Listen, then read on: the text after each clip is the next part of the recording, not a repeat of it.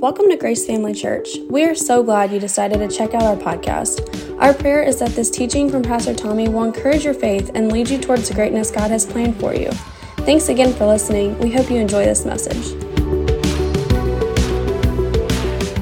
A couple of things I want to let you know about coming up for the church. Um, number one, uh, Friday night, April 29th, is our upper room meeting where we come together and just seek the Lord together as a church family. And so if you have time to make it out for that, make it out for that. Our, our next men's meeting is April 30th, just due to a number of reasons. April's been a busy month and things happening, but uh, so they haven't met the whole month. But I know Bill's chomping at the bit to get back with the guys, and so that's April 30th.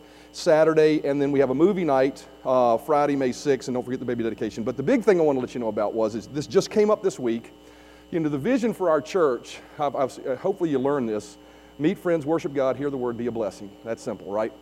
The last piece of that is, is that we're so, you know, uh, ministered to by the fellowship here that we have a heart to give and bless others. And so, you know, one of the ways we do that is through our financial giving, but, you know, you don't, you don't always want to uh, just throw money at stuff, right? And, I, and so, so one of the things that has popped up this week is an outreach that Nakia let us know about. And so, Nakia, if you'll go ahead and make your way up, Amanda, you can come, come too. Um, but um, uh, what, you can go ahead and come on. You can come on. Um, uh, there's an outreach that just popped up. It's got a really short window on it, but I just really wanted to motivate our church around this because we, we also want to get our hands dirty. We want to reach out to people and touch people. So if you'll let them know what's going on and you'll let them know what's going on and what they need to do to respond by next week, that would be great. Thank you. Yeah.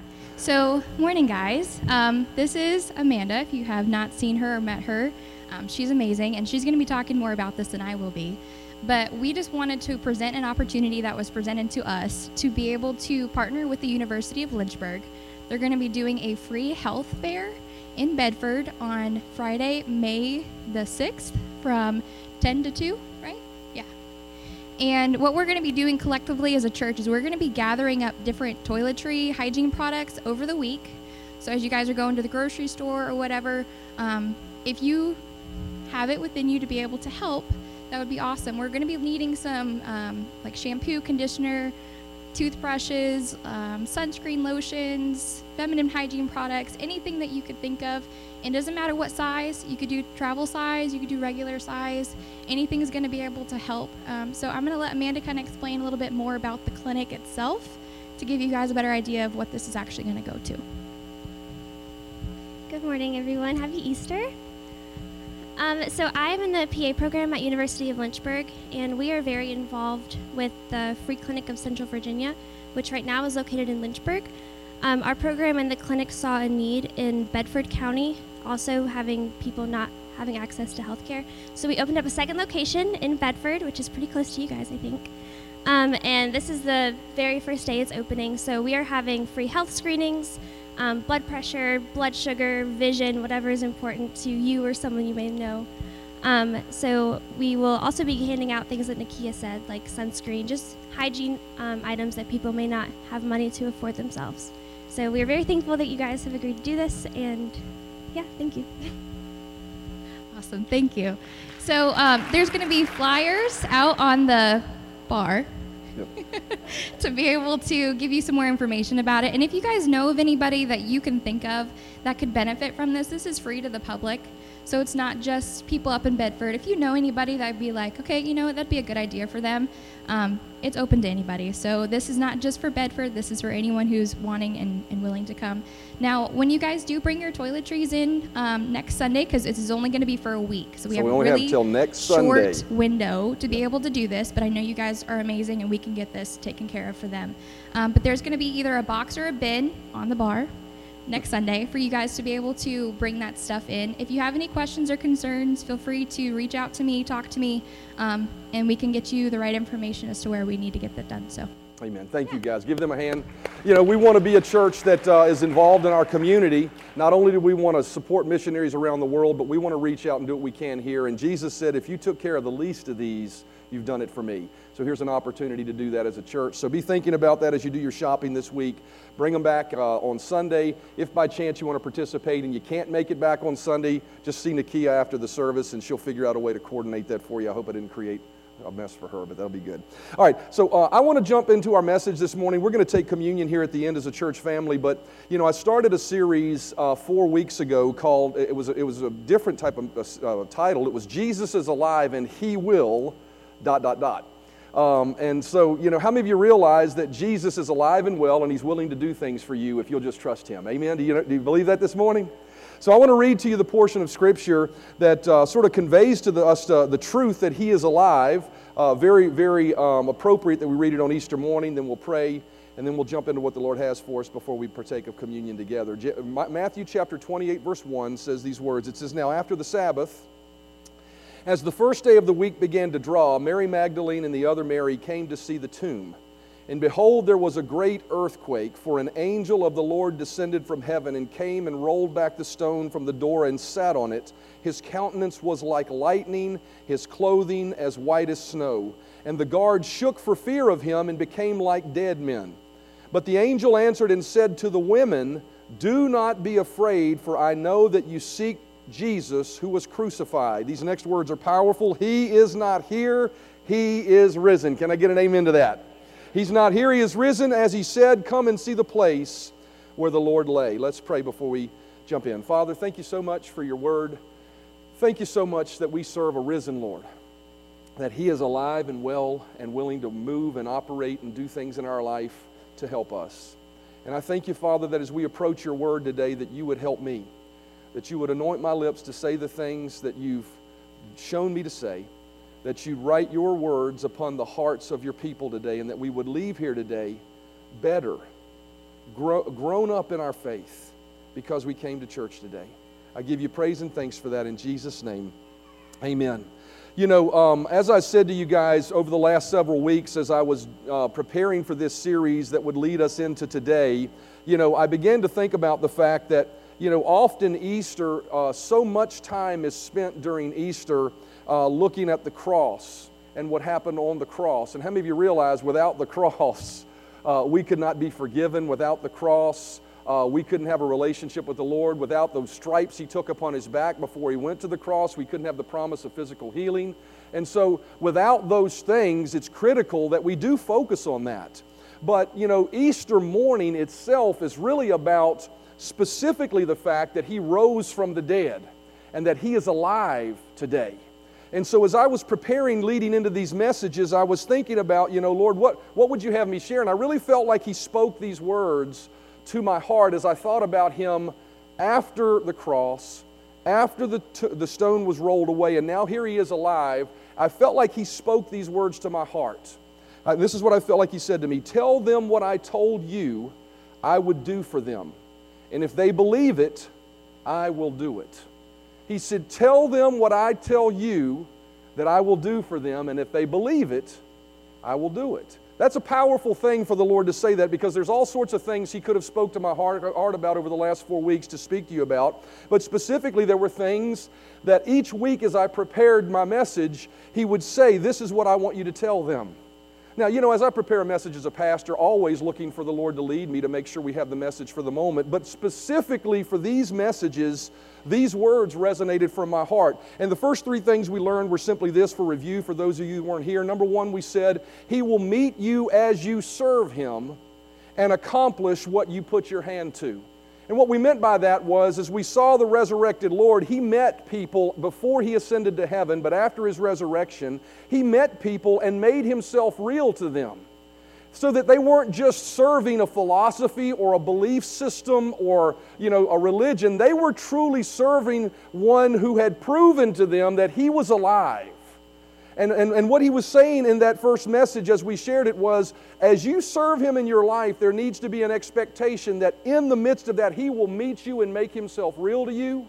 And then after he makes himself real to you, he, he won't leave it up to you to perform the work. He will actually go with you and he will accomplish the miracles and the things that need to happen in your life. Number two, we pointed out that when you find yourself discouraged, he will find you when you're discouraged and encourage you with his word. You know, that's, that's such a, a wonderful message for anyone that might be discouraged this morning, that might be uh, worried this morning or struggling this morning, that, you know, God is, doesn't expect you to go find Him. I know the scripture says, Those that seek me will find me, and that's absolutely true. But He has this characteristic about Him that when one goes astray, when one is hurting, He will leave the 99 and find the one. So, no matter what you're doing this morning, a real and living Jesus, if you're discouraged, He will find you and He'll bring His word to you to encourage you. Number three, we said last week, He will forgive you, restore you, and remember your sins no more.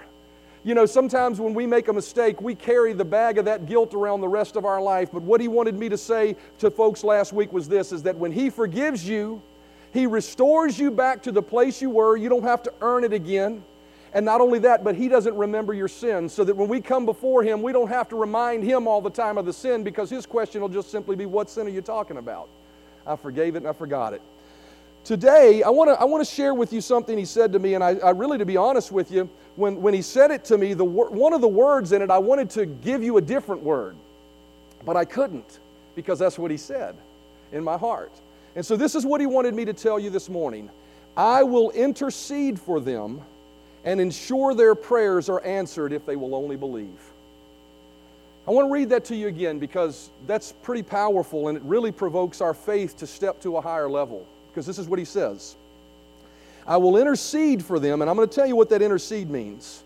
I will intercede for them and ensure their prayers are answered if they will only believe. Those are words from the living Jesus, and we see him beginning to fulfill this as we look to the story of John chapter 20 which is another account of Mary when she went to the tomb that morning, the tomb was rolled away. John chapter 20, verse 11 says this It says, Now Mary stood outside the tomb crying. As she wept, she bent over to, to look into the tomb and saw two angels in white seated where Jesus' body had, taken, uh, had been taken, one at the head and the other at the foot. They asked her, Woman, why are you crying? They have taken my Lord away, she answered, and I don't know where they have put him. As, at that, she turned around and saw Jesus standing there, but she did not realize that it was Jesus. He asked her, Woman, why are you crying? Who is it you are looking for? Thinking it was the gardener, she said, Sir, if you have carried him away, tell me where you've put him, and I will, I will go get him. Jesus said to her, Mary. You imagine the tone that came alive in her when he said that. He said, Mary. And she turned toward him and cried out in Aramaic, Rabboni, which means teacher. And Jesus said, Do not hold on to me, for I have not yet ascended to the Father. Go instead to my brothers and tell them, I ascending to my Father and to your Father, to my God and to your God. Mary Magdalene went to the disciples with the news, I have seen the Lord. And she told them that he had said these things unto her. Now, in verse 17 is what I want to focus on in this story. What a wonderful thing for Mary to see Jesus, him make himself real to her. She sought to grab on to him. And he said these words in verse 17 Do not hold on to me, for I have not yet ascended to the Father. Go instead, go to my brothers. But the point was, Jesus was saying, Mary, don't grab me. I got to go do something. There's something I've got to go accomplish. So you go tell the disciples, the, my followers, that I'll, I'll meet them in a little bit, but there's something I got to go do. You know, and as we see that, you know, the question is, what was he going to do? Well, here's where I want to focus my time today because I think by the time we get to the end of this, you will see Jesus as the risen Savior in a different state than possibly you've seen him up to this point. See, Jesus, for us to understand what he had to do, go do, we first have to understand there was a ministry before he ever even came to earth of the Old Testament priest. There, were, there was a priesthood that was established, and there was a high priest that was established, and their role and their ritual on a regular basis was to bring uh, the sacrifice, the sacrificial blood of animals before the Father God as a covering and as a, an atonement for the sins of Israel. And we see the operation of this Old Testament priest in Hebrews chapter 9 and verse 1. It says, For the first covenant, that's the agreement, the covenant uh, in, in, in layman's terms, that's the agreement that God had between him and Israel. It says, For the first covenant had regulations for worship and also an earthly sanctuary. So part of it included setting up an actual physical tabernacle, a sanctuary like we have right here, but it was specific guidelines they set theirs up to. It says a tabernacle was set up in the first room where the lampstand and the table with its consecrated bread, this was called the holy place. Behind the second curtain was a room called the Most Holy Place, which had the golden altar of incense and the gold covered ark of the covenant. This ark contained the gold jar of manna, Aaron's staff that had budded, and the stone tablets of the covenant.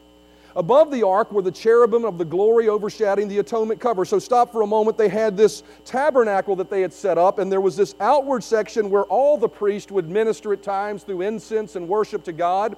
But inside of that holy place was another place called the Holy of Holies inside of that Holy of Holies, there was a tabernacle. There was an actual altar there that was where, where Aaron's you know, uh, budding rod was, where the Ten Commandments were. And on top of that altar, there was two images of angels whose, whose um, wings came together. And there was, a, there was a moment there where the glory of God would show up when the angel, when, a, when a high priest went in there on an annual basis. And so that Holy of Holy place was where the high priest would come in with the sacrificial blood of a spotless, innocent lamb and would apply that blood to a natural mercy seat, the Bible called that, of that place on the altar where we would apply the blood.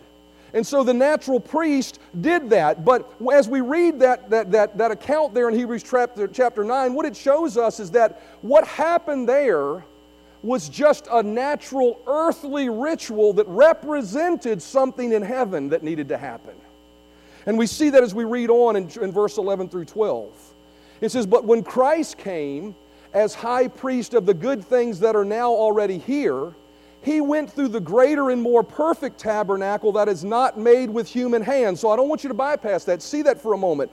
When Jesus Christ came as our high priest, there was a moment in time where he actually ascended into heaven into a tabernacle that was a replica. Actually, the tabernacle on earth was a replica of what he entered into in heaven. He says it went through a more perfect tabernacle that is not made with human hands, that is to say, not part of this creation. It's a heavenly tabernacle. he did not enter. Now, here's the great news he did not enter by means of the blood of goats and calves, but he entered the most holy place once and for all by his own blood, thus obtaining eternal redemption. We see here Jesus take on the role of the high priest. This is what Jesus went to do when he told Mary, Don't hold on to me. I got to go to my father and your father first, then I'll come back and talk to the disciples. And so, in that moment, Jesus took a step, and I alluded to this last week. In that moment, after Mary left, Jesus actually risen from the grave, freshly conquering death and hell, his vesture potentially still dipped in blood, right? He ascends to our Father, if you're a believer this morning, and he, and he, and he broaches the gates of heaven and, and, and approaches heaven. But he wasn't carrying the blood of a sacrificial animal, he was carrying his very own spotless, sinless blood. Can you see the story as it unfolded in heaven? From the fall of Adam until that moment, 4,000 years of anticipation had been building in hopes and faith that this perfect sacrifice would come. The longings of 76 generations of humanity from Adam to Jesus had been separated from God and were crying out through the realm of the Spirit for this moment. The host of angels that had watched the plan of God unfold over the centuries awaited with folded wings and bated breath as the Son of God approached. Can you hear the whispers of the angels? It's Him, it's the Lamb of God. This is the moment. Can you sense the awe as they looked at this conquering champion with the images of his nail pierced hands and feet and pierced side? I can see the gavel of spiritual justice in the hand of God waiting to finally fall on the side of man instead of on the side of man's sins. Can you feel the hush that swept over every creature in heaven as Jesus entered the Holy of Holies with his blood in that bowl and knelt before the Father? And can you hear the resounding voice of the Father saying, once and for all, the sins of all mankind are forgiven, for the spotless Lamb of God has presented his blood as an eternal sacrifice for all that would believe in him. That's what happened in heaven. That's what Jesus did as our high priest. And we see this recorded in Hebrews chapter 9, verse 24. It's not a made up story that I just conveyed to you. It says in verse 24, For Christ did not enter a sanctuary made with human hands that was only a copy of the truer one. He entered heaven itself now to appear for us in God's presence. This is what he did the moment he was resurrected.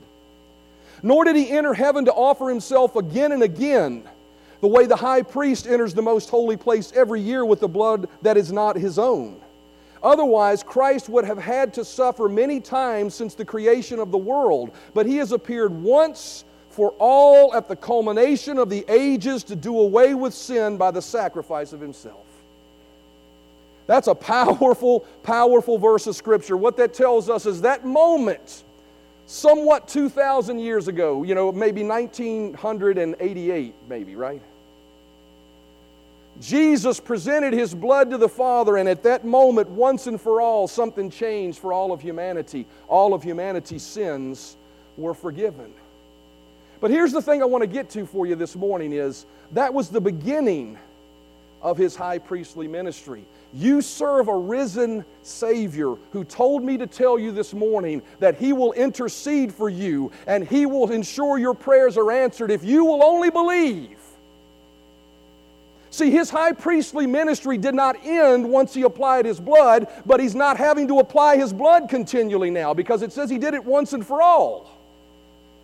See, how many realize that when you come to God for the forgiveness of your sins, at that moment, God is actually not forgiving you. You're just receiving the forgiveness He's already granted you the moment Jesus applied His blood to the mercy seat.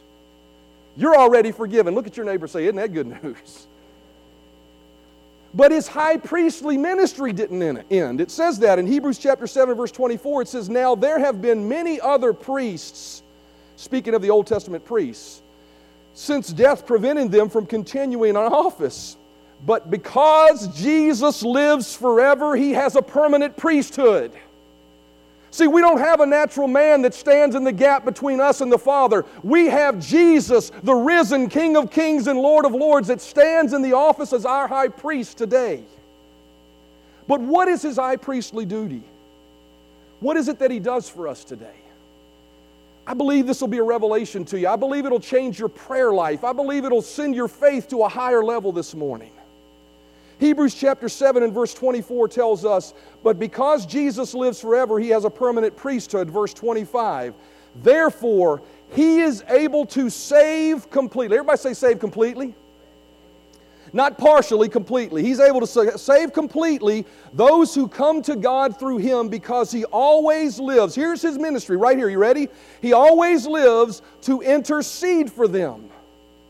So, what is the high priestly ministry of Jesus? First of all, the high priestly ministry of Jesus for a lost person. If you've never made Jesus Christ the Lord of your Savior today, you can do that.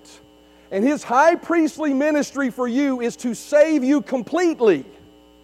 What that means is, is what 2 Corinthians 5 and verse 21 says. You become a new creation. Old things pass away and all things become new. If you've never made Jesus the Lord of your life as the high priest, when you choose to believe on Him by the power of the Spirit, He recreates your human spirit forgiven and righteous and right before Him. But what about us who call upon His name, that call Him our Lord and our Savior? We've already experienced that. What is His ministry to us? I think we find the answer to that in three words in this portion of Scripture. Everybody say save, everybody say completely, everybody say intercede. The word save is the Greek word sozo. The word completely is the uh, Greek word pantelis, not pantless, but pantelis. and what it means is this it means really literally what it says to completely rescue out of danger into safety. That alone would be something to shout about this morning that as the high priest, his role in whatever problem you're facing is to completely save you out of it. But then it goes on to say his role is to because, because he's able to do that because he intercedes for us.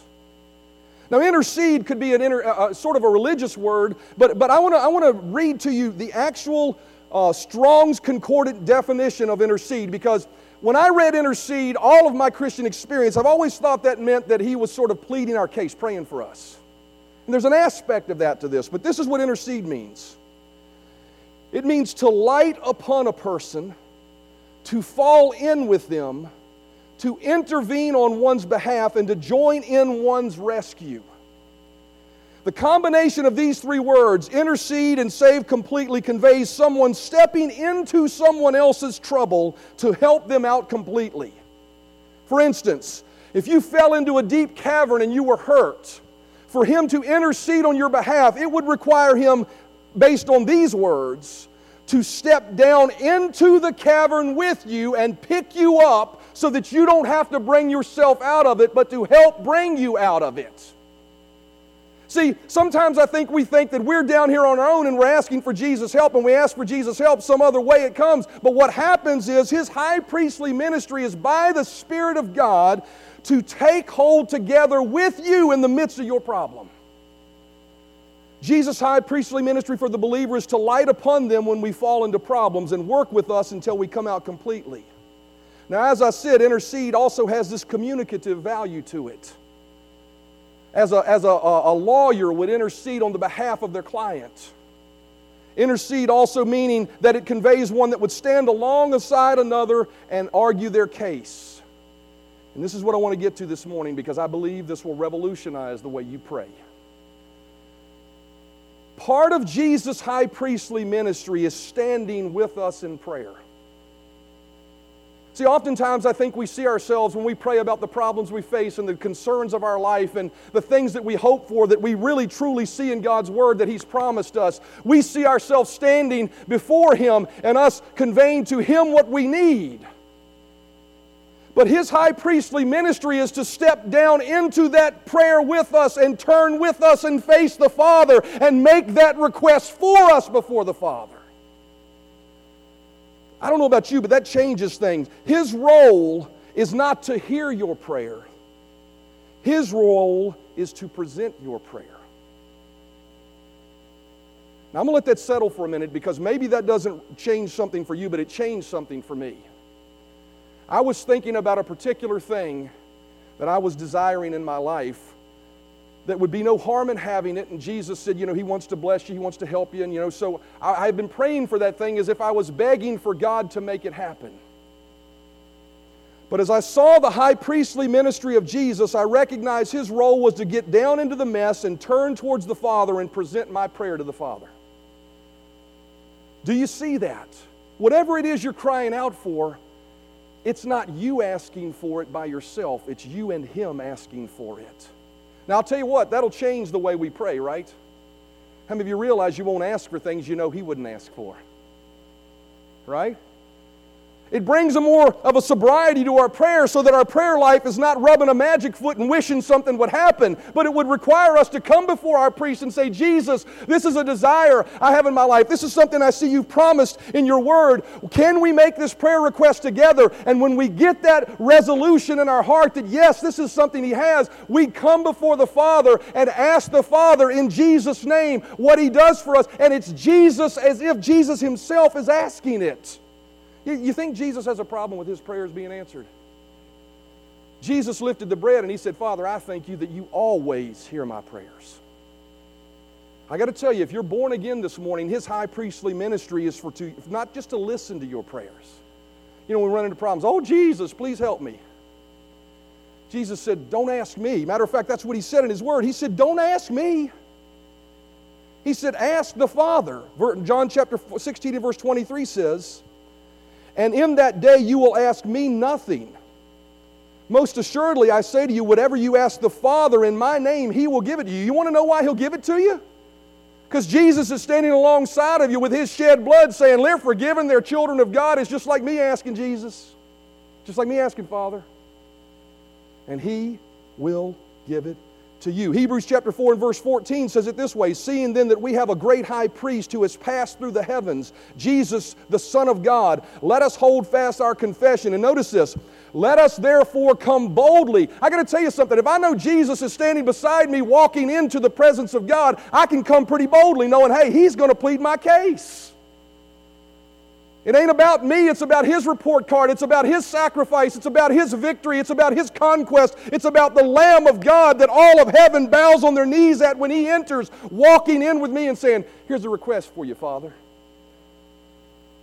I don't know about you, but that winds my watchdom a little bit. That gives me greater confidence in the things that I've asked for that I thought I was begging God for, and I'm not begging God for. Jesus has presented them as my intercessor, my high priest to the Father. My healing, I don't have to beg for. He's declaring it before the Father. See, it says there, let us come boldly to the throne of grace that we may find mercy and grace to help us in a time of need. Jesus said it again this way in John chapter 14, verse 13. He said, And whatsoever you ask the Father in my name, that will I do, that the Father may be glorified in the Son. If you ask anything in my name, I will do it. Oh, that we as believers would believe that word. Now, how many of you realize you can't ask for things that are not His will in His name? It's, it just doesn't jive, right? So He's not talking about going out and asking God, murder my enemy, and, you know, that, that type of stuff.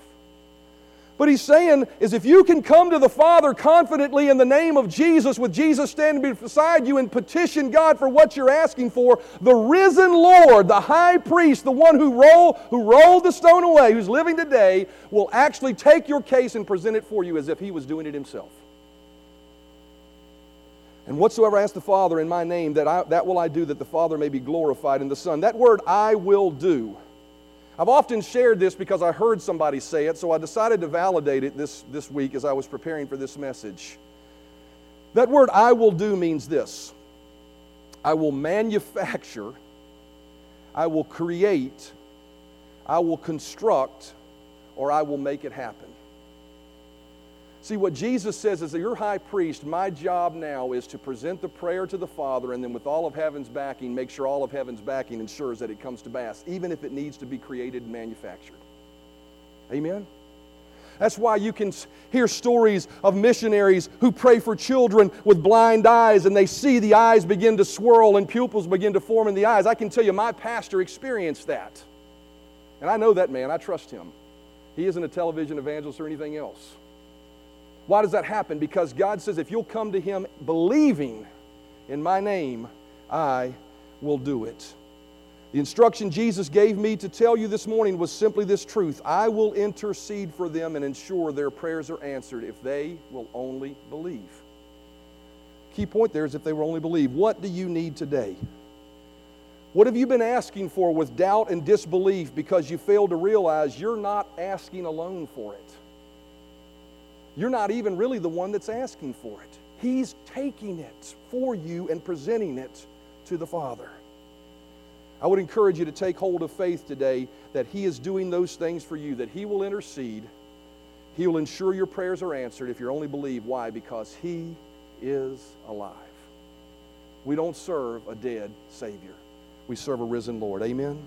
The one we see, and, and, and I want to read this to you because this is the picture of the one that we actually see as the musicians come and we get ready to partake of communion. This is the Lord that we see in heaven. You know, oftentimes in our life, I think we see Jesus as he was in the images that we see as he walked the earth. But as I thought about this series of messages and Jesus is alive and he will, I wanted you to see him in the light of in the light that he exists. Now he can take on many forms, but this is the light in which he actually exists as a risen Lord. Paul said, I, John, both your brother and companion in tribulation and kingdom and patience of Jesus Christ, was on the island that is called Patmos for the word of God and for the testimony of Jesus. So what he's saying there is I was exiled to the island of Patmos because I was preaching Jesus and that's that island was a place for criminals. Verse 10 says, and I was in the Spirit on the Lord's Day. It's interesting because that word Lord's Day, some people think that means he was in the Spirit on Sunday, but actually that term Lord's Day refers to actually Caesar's Day, as if you go study it out. On the day that all of Rome was celebrating Caesar, something amazing was about to happen for John. And behind me, I heard a loud voice as of a trumpet. This is the Jesus, the living Jesus that we serve saying, I am Alpha, I am the Alpha and the Omega, the first and the last. Then I turned to see the voice that spoke with me, and having turned, I saw seven golden lampstands, and in the midst of the seven lampstands, one like the Son of Man. Notice this this is the image of the risen Jesus. Clothed with garments down to the feet, and girded about the chest with a golden band. His head and his hair were white like wool, as white as snow, and his eyes were like a flame of fire. His feet were like fine brass, as refined in a furnace, and his voice as the sound of many waters. You think that God hears your prayer when he prays for you? Certainly he does. He had in his right hand seven stars, and out of his mouth went a sharp two edged sword, and his countenance was like the sun shining in its strength. And when I saw him, I fell at his feet as dead. I, I think I would have too. But he laid his right hand on me, saying to me, Do not be afraid. I am the first and the last. I am he who lives and was dead, and behold, I am alive forevermore. And I, amen. And I have the keys of Hades and death. This is the Jesus we serve. This is our high priest, strong and powerful champion, conquering king. That when he walks into the presence of God to plead on our behalf the prayer request that he joins with us in presenting to the Father, he walks in with the confidence of knowing that heaven will respond. Amen? So, as we partake of the communion table this morning, I want to do two things. I want to remember his death and his sacrifice because what we are partaking of truly represent that death and sacrifice. But I also want you to remember the phrase that says till he comes. It says in 1 Corinthians, and the, and the Lord Jesus on the same night in which he, had betrayed, which he was betrayed took bread. And when he had given thanks, he broke it and said, Take, eat, this is my body which is broken for you. Do this in remembrance of me. In the same manner, he also took the cup after supper, saying, This cup is the new covenant in my blood. This do as often as you drink in remembrance of me. For as often as you eat this bread and drink this cup, you proclaim the Lord's death till he comes. So there's an aspect of the communion table that not only looks back to the cross and looks to the grave, but also looks to the skies. Because the Jesus that we see in Revelation that appeared to John will return one day. And that same Jesus is our high priest to get down in the mess with us while we're here to help us out while we're waiting. Amen? He's alive. So I want to remember both of those things this morning. Remember that He died on a cross. So grateful to shed His blood for my sins and yours. He rose from the dead to conquer the power that anything would have over our lives. And now He's alive to meet us as we serve Him and accomplish what we put our hand to. To find us when we're discouraged and encourage us with His Word. To forgive us and restore us and remember our sins no more, and to intercede on our behalf and ensure our prayers are answered. If we'll only believe. Thanks for listening to our Grace Family Church podcast. We really hope you enjoyed this message. If this ministry has blessed you in any way, we would love for you to get connected. Just go to gfcva.info to learn more about who we are, how to give to this ministry, or how you can get involved. Thanks again for listening, and we hope to see you soon.